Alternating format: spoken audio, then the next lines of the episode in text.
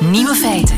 Dag en welkom bij de Nieuwe Feiten podcast van 30 november 2021. In het nieuws vandaag dat de Spaanse koningin Letizia op een staatsbanket in Zweden geen gala-jurk van een prestigieus modehuis droeg, maar gewoon een kleedje uit de H&M. Nu ja, gewoon, de Zweedse Vogue werd helemaal lyrisch. Het blad omschreef de mouwloze jurk als volumineus, met een heerlijke hoeveelheid blauwe transparante tulle, afgewerkt met delicate rushes en een open rug met twee strikken. Een speelse kijk op een klassieke lijn. Een duurzame en overweldigende keuze. Liefhebbers van betaalbare majesteitelijke mode moet ik helaas teleurstellen. De Spaanse koningin kocht de jurk vorig jaar al en ze is intussen niet meer te krijgen. Overigens is ze niet de enige royal die ze in haar kast heeft hangen. De Zweedse prinses Victoria droeg dezelfde jurk toen die wel nog gewoon in de winkels hing. Ze liet er wel mouwen aan naaien. Eat that Nathan. De andere nieuwe feiten vandaag. Het is officieel. Eric Zemmour is presidentskandidaat in Frankrijk. Vanaf vandaag kunt u meedoen aan de wedstrijd Bedenk een zo ingewikkeld mogelijke nieuwe taalregel.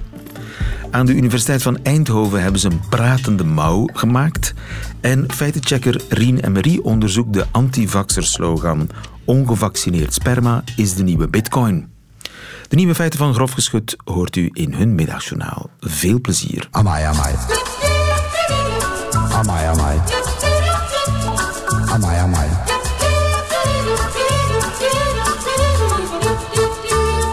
Feiten. Held van de dag is Brigitte van der Lucht, die aan een pratende mouw werkt die het dove mensen makkelijker moet maken om anderen te verstaan. Goedemiddag, Brigitte. Goedemiddag. Jij werkt voor de Universiteit van Eindhoven of je bent er student? Ik ben er student. En, En- eh, samen met mijn studententeam hebben we aan de sleeve gewerkt. De sleeve, de pratende mouw, eh, want jullie eh, hebben een heel team om daaraan te werken. Hoe zijn jullie op het idee gekomen om een mouw te laten praten? Ehm, ja, we zijn begonnen met het idee van human augmentation. En dat is een onderzoeksgebied dat eh, gaat over het verbeteren van de menselijke mogelijkheden door bijvoorbeeld technologie. Een voorbeeld hiervan is een bril. Eh, daardoor kan je ja, de informatie die binnenkomt door je ogen, eh, daar heb je dus meer aan, omdat je beter kan zien. Ehm, en wij zijn ermee aan de slag gegaan en zijn gaan kijken naar wat kunnen we met de informatie die binnenkomt door je huid. En daarvoor hebben we een mouw ontwikkeld. En wat doet die mouw? Eh, die mouw die geeft trillingen door aan de huid. En die trillingen die, eh, zijn eh, ja, gebaseerd op klanken. Dus het zijn allemaal verschillende patronen die staan voor klanken. En als je die patronen leert, dan kan je dus betekenis geven aan de trillingen. En op die manier kan je dus klanken voelen. Oké, dus als ik iets tegen je zeg, dan trilt je mouw. Eh, ja, ja. En elke letter heeft een andere trilling, een andere frequentie. Of elke klank. Hoe zit dat? Ja, ja, het zijn de klanken echt. Het is niet per se de letters. Dus bijvoorbeeld eh, in het Engels phone. eh, dat is natuurlijk P-H-O-N-E. Maar de trillingen zijn F-O-N.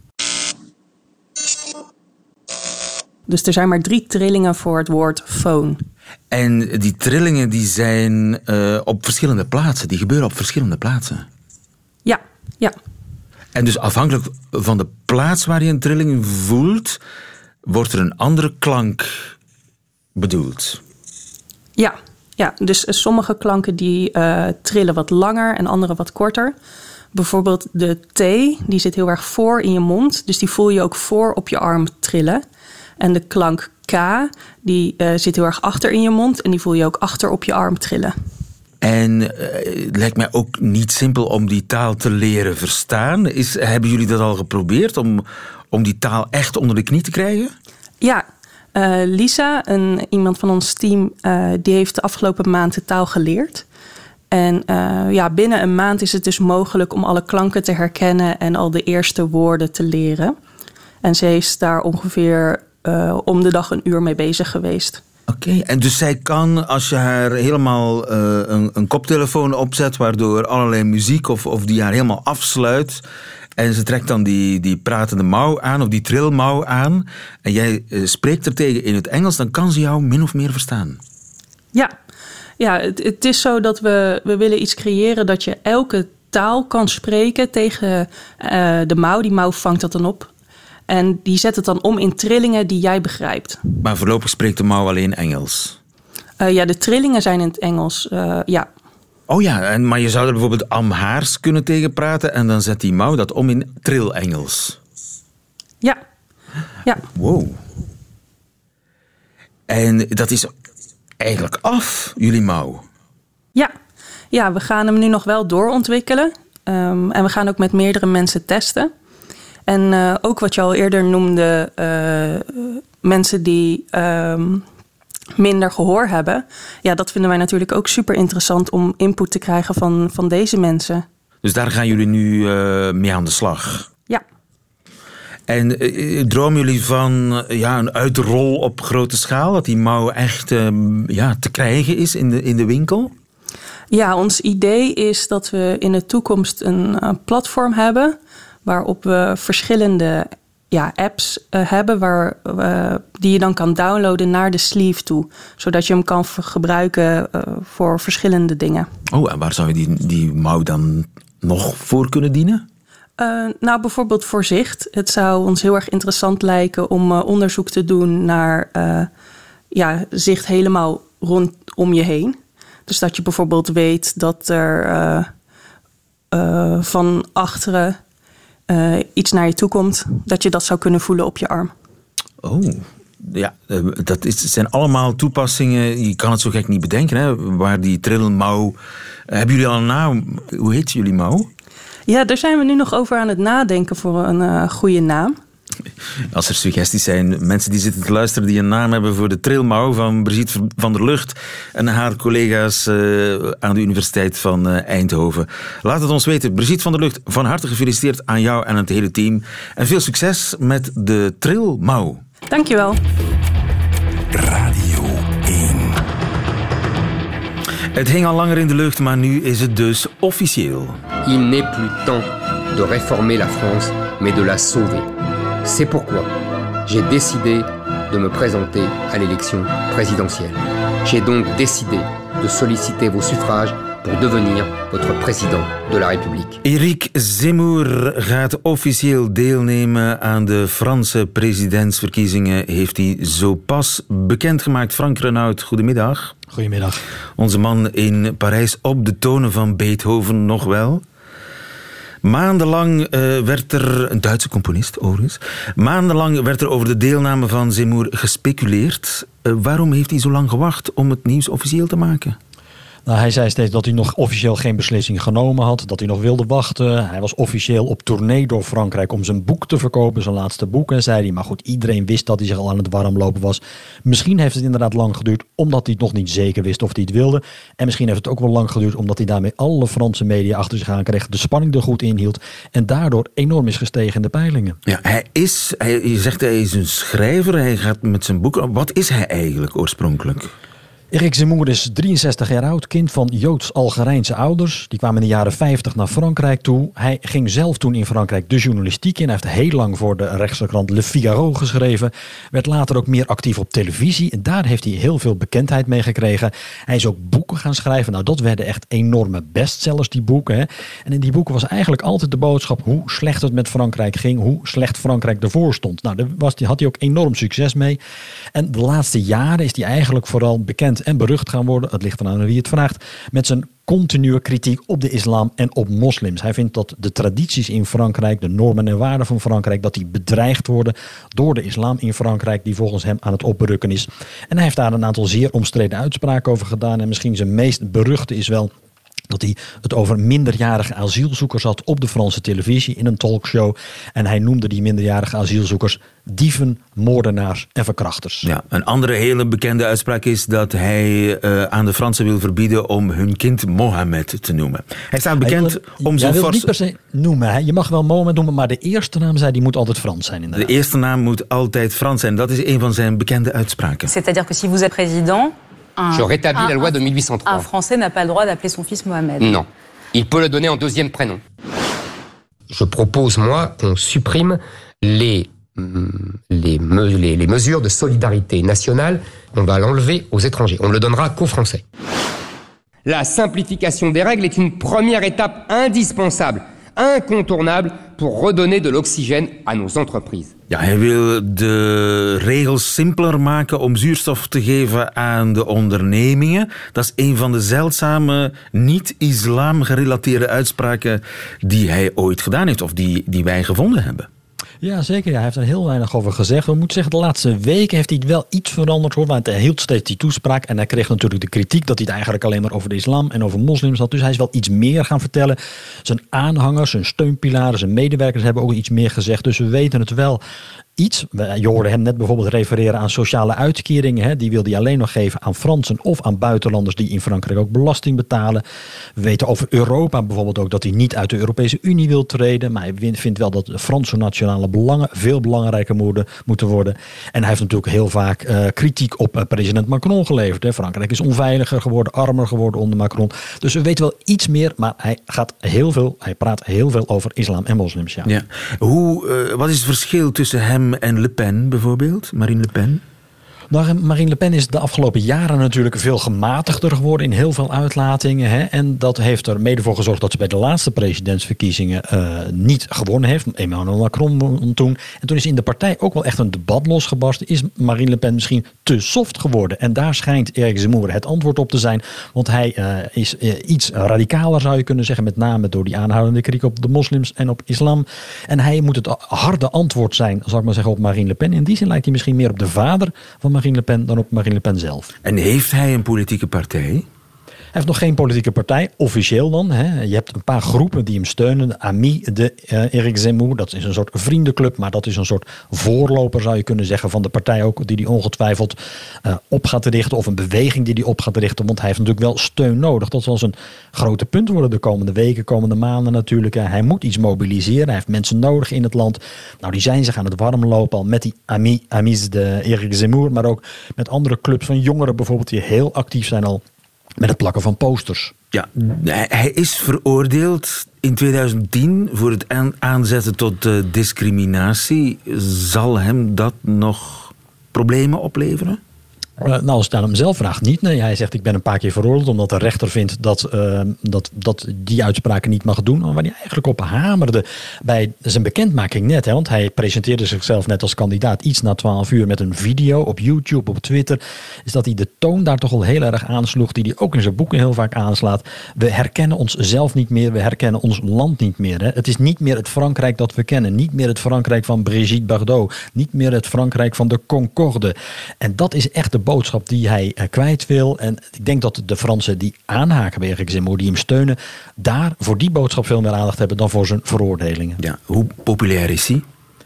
Heel populair, hoewel het de laatste weken iets aan het verminderen is. Je zag de afgelopen maanden dat hij als een raket omhoog ging in alle peilingen. Op sommige peilingen eindigde hij zelfs op de tweede plaats achter Emmanuel Macron, maar dus nog voor Marine Le Pen. Dat is de laatste weken weer iets minder geworden. Nu staat hij achter Marine Le Pen, nog steeds op een derde plaats. Dus dat is heel aanzienlijk. Met ongeveer 14% van de stemmen zou hij nu krijgen. Heel aanzienlijk voor iemand die nieuw is, zullen we zeggen. Maar er zijn de laatste tijd natuurlijk wel wat relletjes rond Eric Zemmour geweest. Onhandige optredens. Hij bijvoorbeeld openlijk uh, liet hij zich uit over de Tweede Wereldoorlog. Over het Vichy-regime dat collaboreerde met de nazi's. Dat probeerde hij te nuanceren alsof het allemaal niet zo heel erg erg was geweest. Dat werd hem niet in dank afgenomen door heel veel Fransen. En met name niet door de Joodse gemeenschap in Frankrijk. Waar hij zelf toe behoort. Waar hij zelf toe behoort. Maar hij zegt, het, hij zegt, het belangrijke verschil is, ik ben met mijn ouders naar Frankrijk gekomen. Maar wij hebben ons geassimileerd. We zijn volledig opgegaan in de Franse samenleving. En dat zouden anderen ook moeten doen. Eén kwestie die nog natuurlijk ook wat hem ten nadele spreekt, wat hem uh, zeer benadeelt in de peiling, is die middelvinger. Hè. Een paar dagen geleden was hij op werkbezoek in het zuiden van het land. Hij zat in zijn auto en er kwam een toeschouwer langs. Die stak haar middelvinger op naar Eric Zemmour. En toen stak hij zijn middelvinger terug op naar die vrouw. En dat ook leverde hem veel niet kritiek. echt een presidentieel gebaar. Precies, dat was het kritiek dat hij kreeg. Dat zou je als president of als wannabe-president niet moeten doen. Is hij een gevaar voor Macron? Het is moeilijk om daar voorspelling over te doen. We hebben natuurlijk nog eh, vijf maanden te gaan tot de verkiezingen. Er kan nog heel erg veel gebeuren. We weten natuurlijk dat Eric Zemmour een sentiment aanboord dat breed leeft onder de Fransen. Zie de opkomst van Marine Le Pen de afgelopen jaren, haar grote successen. En als je nu naar de peilingen kijkt, wat wel opmerkelijk is, is dat dus Macron op één staat, maar op twee Marine Le Pen, op drie Eric Zemmour en op vier welke kandidaat dan ook van La Républicaine. Dat betekent dat de drie van de vier kandidaten de hoogste ogen gooien. Als je al die stemmen bij elkaar optelt, kom je wel op een heel erg hoog percentage. Ja, dus uh, de strijd is nog niet gestreden voor Macron. Het zou te vroeg zijn om te zeggen van ja, dat is een kandidaat die rechts verdeelt. Dus dat is positief voor Macron.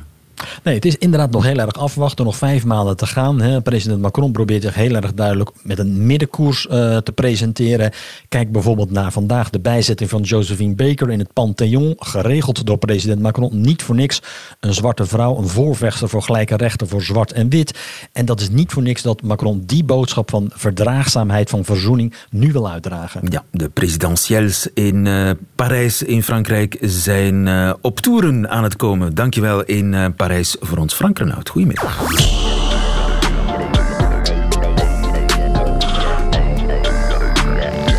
De nieuwe feitenchecker. De anti-coronapas-betoging uh, in Brussel die is alweer een dikke week geleden. Maar er is één beeld uit die betoging uh, dat me nog steeds bezighoudt. En dat is een man met een bord. En op dat bord staat: Ongevaccineerd sperma is de nieuwe bitcoin een kanjer van een nieuw feit voor mij. Dat ik graag voorleg aan onze nieuwe feitenchecker Rien Emery. Goedemiddag. Goedemiddag. Je hebt dat getest voor ons, neem ik aan. Nee, ik vroeg me af, is dat een mop? Um, ik heb Ongevaccineerd niet... sperma is de nieuwe bitcoin. Ik heb het niet persoonlijk getest uh, in ieder geval, maar ik heb het wel eens uh, opgezocht. En het is, het is deels een mop, maar deels ook niet. Ze menen het. Ze menen het uh, voor een stuk. Het, het verwijst naar een dieper liggende ja, idee Um, dat ja, natuurlijk coronavaccinaties zouden een effect hebben op je lichaamsvochten. Gaande van zaad tot bloed, tot speeksel, tot iets anders.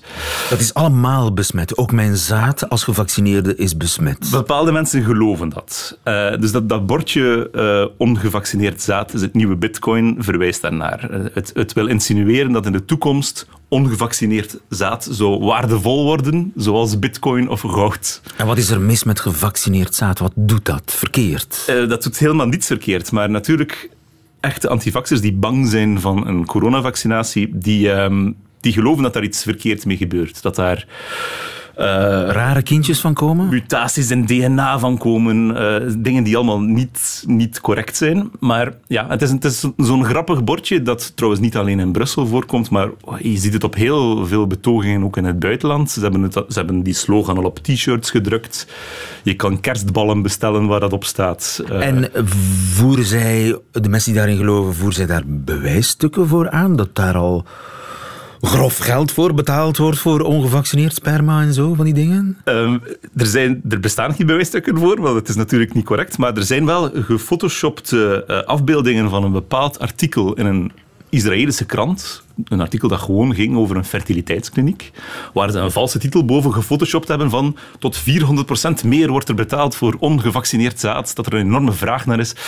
Een fake prentje dus, maar dat wordt ook verspreid om dat een beetje verder... Zie je wel, in Israël wordt ja. er al zoveel en zoveel betaald voor... Dat is de idee erachter. Maar het, het, is niet, het blijft niet alleen bij zaad, uh, het, het gaat ook over naar het bloed en daar wordt het wel een stuk erger. Daar zie je zeer veel meer desinformatie over de gevaren zogezegd voor je bloed. Dus ja, er, bijvoorbeeld één prentje waar je twee uh, kleine uh, buisjes bloed ziet. Eentje bijna zwart en heel griezelig en het andere mooi helder rood. En dan wordt gezegd van het ene is uh, ongevaccineerd en het andere is gevaccineerd. Maar wacht, zijn mensen die dat echt... Als ik mensen een buisje zie met zwart bloed, dan denk ik, ja, zal wel. Ja, mensen trappen daarin. Um, het gaat zelfs zo ver. Er, zijn, er is een website, Pasjes voor Vrijheid heet die. En daar kan je een bepaald pasje bestellen, een beetje zoals je bloedgroepkaart, waar gewoon op staat van ik wil geen gevaccineerd bloed hebben. Dus als ik in het ziekenhuis beland... Uh, en komen die kaartjes al toe in het die ziekenhuis? kaartjes komen toe in het ziekenhuis. Er zijn getuigenissen van verplegers die zeggen van ja, er zijn mensen hier, ongevaccineerden, die terechtkomen in het ziekenhuis en die schreeuwen van geef mij absoluut geen plasma of bloedplaatjes of bloed van een gevaccineerde, want ze zijn bang van het spike-eiwit of van andere dingen die er zouden inzitten dan. Maar wacht eens even, is dat zelfs al zou je daarop willen ingaan, is dat technisch mogelijk om daarop in te gaan? Nee, het is niet technisch mogelijk. Uh, er wordt ook helemaal niet bijgehouden of iemand die bloed gaat doneren. Uh, die vaccins gekregen? Nee, dat wordt niet bijgehouden. Hoogstens vraagt men aan mensen om die bloed doneren om een weekje te wachten na een vaccinatie. Niet omdat er iets mis is met het bloed, maar omdat je 100% gezond moet zijn. En je kan altijd een dagje koorts hebben of uh, spierpijn. Of voor de donor vraagt men soms van wacht een weekje om te doneren. Niet omdat er iets in het bloed zou zitten. Dus ja, maar dat speelt natuurlijk in de kaart van de mensen die geloven dat er iets mis is met dat bloed. Je moet wachten om, om bloed te geven als je maar niet omdat er iets met het bloed scheelt, maar omdat de donor 100% zich goed moet voelen. En als je net gevaccineerd bent en je gaat dan nog eens een halve liter bloed geven, kan je jezelf nog wel wat slapper voelen. Dus dat is de reden. En er zitten wel natuurlijk ja, er zijn heel, heel zeldzame bijwerkingen van vooral dan AstraZeneca en Johnson Johnson geweest, die erkend zijn. En de die met bloed te maken hebben, bloedklonters en zo. Voilà. Dus daar speelt men ook wat op in om algemeen het gevaar, zogezegd, van vaccins voor je bloed uh, te verspreiden, dat idee.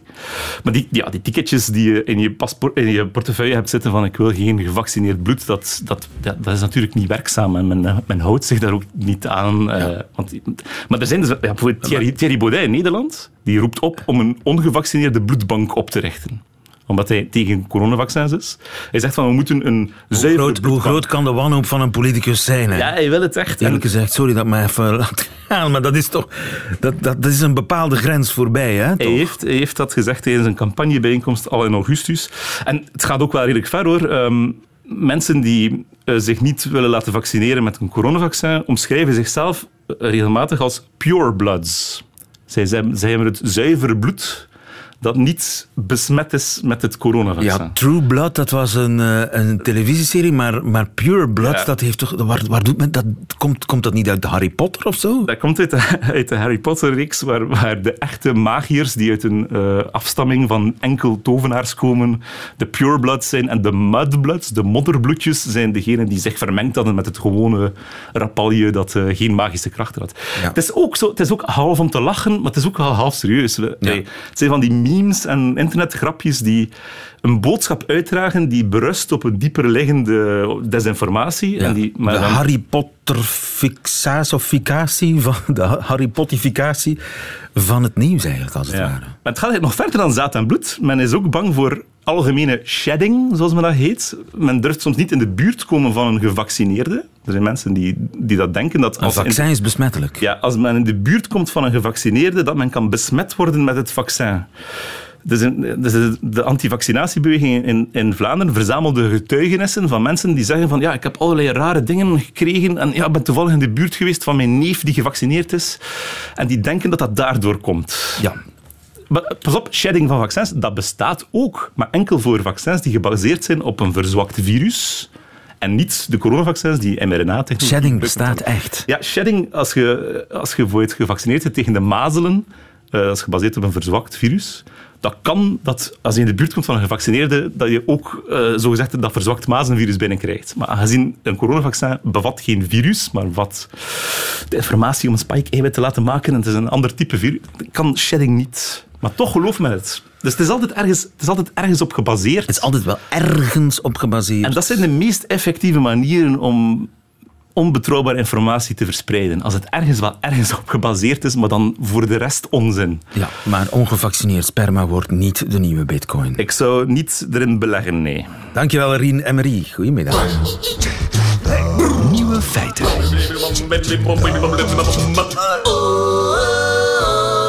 Radio 1. Vanaf vandaag kunt u meedoen aan een heel bijzondere wedstrijd. De wedstrijd Bedenk een nieuwe taalregel. Wouter van Wingerden, goedemiddag. Goedemiddag. U bent uh, jurylid van die wel zeer prestigieuze wedstrijd. Een nieuwe taalregel. Aan welke eisen moet die nieuwe taalregel voldoen? Die moet vooral ontzettend ingewikkeld zijn. Um, het slaat natuurlijk nergens op, maar het is een leuk spel om de Nederlandse taal zo ingewikkeld mogelijk te maken. En wel zo dat die dan eigenlijk alleen nog maar correct gehanteerd kan worden door professionals. Zoals mijn uh, mede-jurylid Mark van Oostendorp heeft geschreven. En die professionals die uh, kunnen dan weer jarenlang onderzoek doen naar hoe het toch komt dat die Nederlandse taal zo ingewikkeld is. Oké, het is een soort van zelfkritiek georganiseerd door taalkundigen. Eigenlijk wel, ja. Het is natuurlijk geen echt serieuze wedstrijd. Althans, eh, de uitkomst zal natuurlijk nooit een geldende taalregel worden. Maar ja, het, eh, het wijst je er wel op hoeveel uh, eigenlijk inconsequenties in het Nederlands er zouden kunnen bestaan. als je maar diep genoeg gaat graven. En dat je daar dan weer allerlei ingewikkelde regels op zou kunnen toepassen. met de nodige uitzonderingen. Ja, Nederlands is verschrikkelijk complex, hè? Ja, dat zou je natuurlijk van elke taal wel kunnen beweren. Maar hoe, hoe dieper je erin duikt, hoe meer het toch wel blijkt dat het Nederlands eigenlijk van inconsequenties en gekkigheden aan elkaar hangt. En ja, dat zal voor het Engels en het Duits net zo goed zo, eh, zo gelden. Maar het is eh, toch interessant dat als je het Nederlands bestudeert, en daar is Nederlandistiek.nl nou juist de thuishaven van, van dat soort taalkundigen en letterkundigen. En, en dat is de organisator ook van die wedstrijd? Ja, ja klopt. Nederlandistiek.nl, daar kan ook inderdaad eh, de inzending naartoe als iemand verzint van oh, ik heb een heel ingewikkelde regel bedacht, daar moet ik eens even iets, eh, een ingewikkelde formulering voor maken, dan kan daar worden geplaatst. Ja, want die, die regel moet ook zo ingewikkeld mogelijk worden geformuleerd. Ja, dat is dan ook nog weer een extra eis. Het moet er allemaal eh, bijzonder wetenschappelijk en doordacht uitzien, want dan komt het serieuzer over en problematischer ook. En dat is precies de bedoeling. Ja. Laat het moeilijk lijken. Ja, jullie zetten zichzelf wel behoorlijk te kijk. Want ja. Ja, en. Eh, Jullie leven ervan, van die ingewikkeldheid. ja, ik hou juist erg van niet ingewikkeld doen en juist meer accepteren van wat er nou eenmaal kan en in de praktijk gebeurt. Dus ik hou erg van de variatie en de verandering. En uh, daar houden heel veel andere mensen wat minder van dan ik. Maar dan is het ook wel leuk om expres een keer voor de gein aan de andere kant te gaan staan. Ja. Oké, en dus er zijn taalkundigen die die wedstrijd van jullie met argusogen volgen die zichzelf wel een beetje aangesproken voelen. Uh, oh, dat zeker. En die kunnen natuurlijk helemaal los met allerlei uh, heel moeilijke regels die ze zelf aan het Nederlands zouden willen toevoegen. Boodschap aan die mensen is: doe gewoon mee aan de wedstrijd. Uh, dat zeker. Hoe meer inzendingen, hoe fijner. En dan hebben wij tenminste wat mooi materiaal om als in te duiken en dan een uh, gepaste winnaar aan te wijzen. Nu, de winnaar 2012 die kwam met een nieuwe regel voor het gebruik van het woord niemand. Ja, dat was Kobi van Krieken. En die had bedacht dat niemand eigenlijk niks kan doen. Dus niemand kan geen onderwerp in een zin zijn. Dus een zin als niemand trapte de bal het water in, die is niet goed, want dat kan niet, want niemand bestaat niet, die kan niks doen. Dus zo'n zin moet afgekeurd worden. En dan zou je iets anders moeten zeggen, zoals de bal werd het water niet ingetrapt. Want ja, die bal die bestaat wel en het niet trappen, dat kun je er ook wel van zeggen.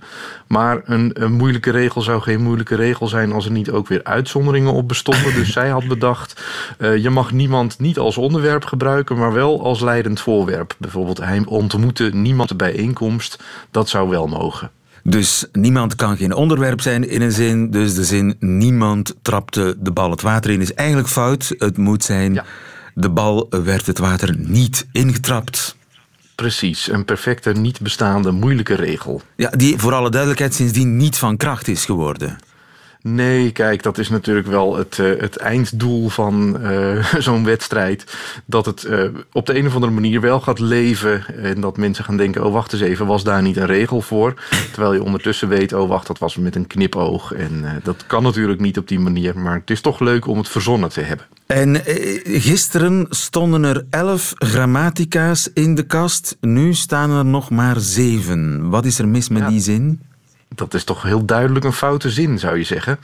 Um, nu staan er nog maar zeven. Daar vallen eigenlijk drie R'en samen. Want je kunt zeggen, er staan zeven grammatica's in de kast. Je kunt ook zeggen, van die grammatica's heb ik er zeven.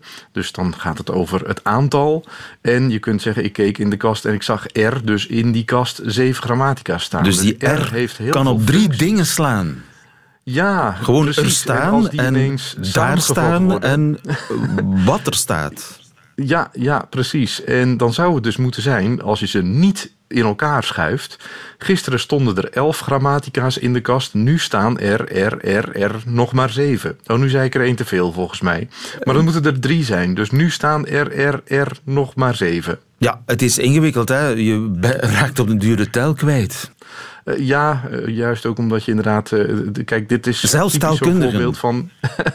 taal is geen wiskunde, zeggen milde taalkundigen. En strenge taalkundigen willen juist wel dat het heel wiskundig is. En dan kom je dus op dit soort heel nou ja, expliciete regels uit, als dat je alles moet uitdrukken wat in dat R uitgedrukt kan worden. En dat heeft hier drie functies. Dus noem je het drie keer. Zelf heb je nooit meegedaan aan de wedstrijd? Ja, toch wel. En daarom zit ik ook nu in de jury. Want de voorlaatste editie die was in 2019. En toen heb ik een uh, spellingregel bedacht. Die is wat lastiger op de radio uit te leggen. Maar uh, ik zit ook in de commissiespelling. En dan zit je ook af en toe met hele rare dingen als hond, honden ja, we zijn het wel gewend, maar in de eerste hond klinkt uh, de D als een T en in de tweede als een D. En dat is natuurlijk vreemd. En eigenlijk dacht ik, daar moet je natuurlijk gewoon één teken voor hebben. En dat kan misschien wel op verschillende manieren uitgesproken worden. Maar het is natuurlijk niet een echte D, want dat klinkt soms als een T. Dus dat moet een aparte letter worden. Had ik... Een aparte letter heb je zelfs bedacht. En daarmee heb je die wedstrijd gewonnen? Of, uh... dat klopt, maar ik had ook het geluk dat er verder niet zo heel veel serieuze regels ingestuurd werden. Okay. Dus ik was uh, blijkbaar de moeilijkste en de meest wetenschappelijk geformuleerde. Alsnog gefeliciteerd. Houden jullie zich er, er zelf ook aan? Uh, dat is eigenlijk wel de bedoeling, maar gelukkig is er geen commissie die ons daarop controleert. Oké. Okay. Wie wil meedoen aan de wedstrijd? Bedenk een nieuwe taalregel. Die wende zich naar neerlandistiek.nl. Heb ik het goed? Dat klopt. Dankjewel, Wouter van Wingerden. Goedemiddag. Graag gedaan.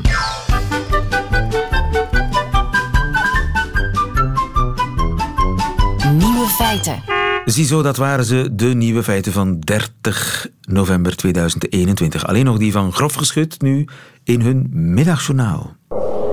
Nieuwe feiten. Middagjournaal. Beste luisteraar. Vandaag geen liefdesperikelen in ons middagjournaal, geen scherpe observaties over de actualiteit. Nee, vandaag komen wij naar u met een vraag. Een aanbieding. Ja. Een buitenkansje. Ja, een vraag eigenlijk gewoon. Ja, een vraag. Mirte, the floor is yours. Lieve Belgen, er zijn natuurlijk ontelbaar veel gebruiken die ik geweldig vind aan jullie prachtige cultuurtje. Dat jullie elke vrijdag verse frietjes van het frituur eten. Dat je hier naast ik hou van u ook ik zie u graag kan zeggen. Om te laten weten hoeveel je om iemand geeft. En dat jullie elke zondag uitgebreid ontbijten met koffiekoeken. Misschien heel even to the point, Mirte. Even to the point. Wat, wat was de point? De point was dat wij in België allemaal bij onze geboorte... Ah ja, ja. maar er is één ding dat ik het allermooiste vind. Jullie hebben peters en meters. En dat hebben ze in Holland dus niet. Ze hebben wel een soort van peetouders. Maar bij ons is dat toch eerder ja, een soort van backup plan. Als je ouders sterven voor je 18 bent, waar ga je dan wonen? Weet je wel? Nou, bij mij waren oom Jan en tante Erna mijn backup plan, zeg maar. Dus kort gezegd, in Holland hebben ze geen Peter of Meter die u verwennen, die u naar de dierentuin meenemen of, en dat is nog het belangrijkste voor Mirte, van wie je centjes of cadeautjes krijgt als je een nieuwjaarsbrief voorleest. Ik kan wel een matig rijmpje opzeggen, maar ho maar dat ik daar dan geld voor krijg van mijn oom en tante. Nee, het zijn en blijven Nederlanders. Misschien als ik hun gras maai. Nou ja, zelfs dan. Een schouderklopje of een pindanoot. Hoogstens. Dus, beste luisteraar, nu nieuwjaar stilaan in het vizier komt, stellen wij u de volgende vraag.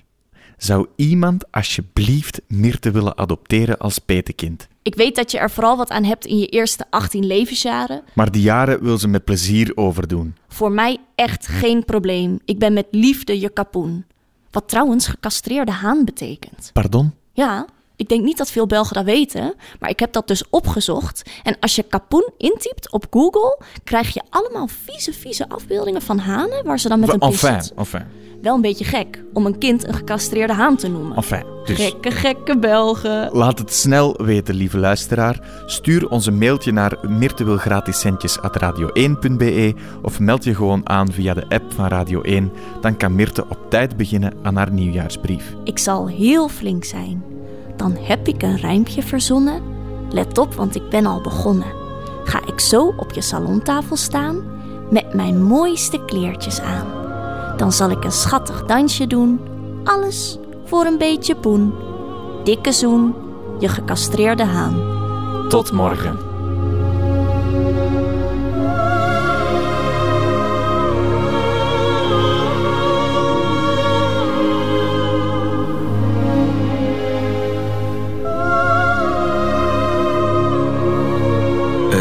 Nederlands-Vlaamse cabaretduo Grof Geschut in hun middagjournaal. Einde van deze podcast. Hoort u liever de volledige nieuwe feiten met de muziek erbij? Dan uh, kunt u natuurlijk altijd live naar de radio luisteren elke werkdag tussen 12 en 1 of on demand via radio1.be of de Radio 1 app. Tot een volgende keer.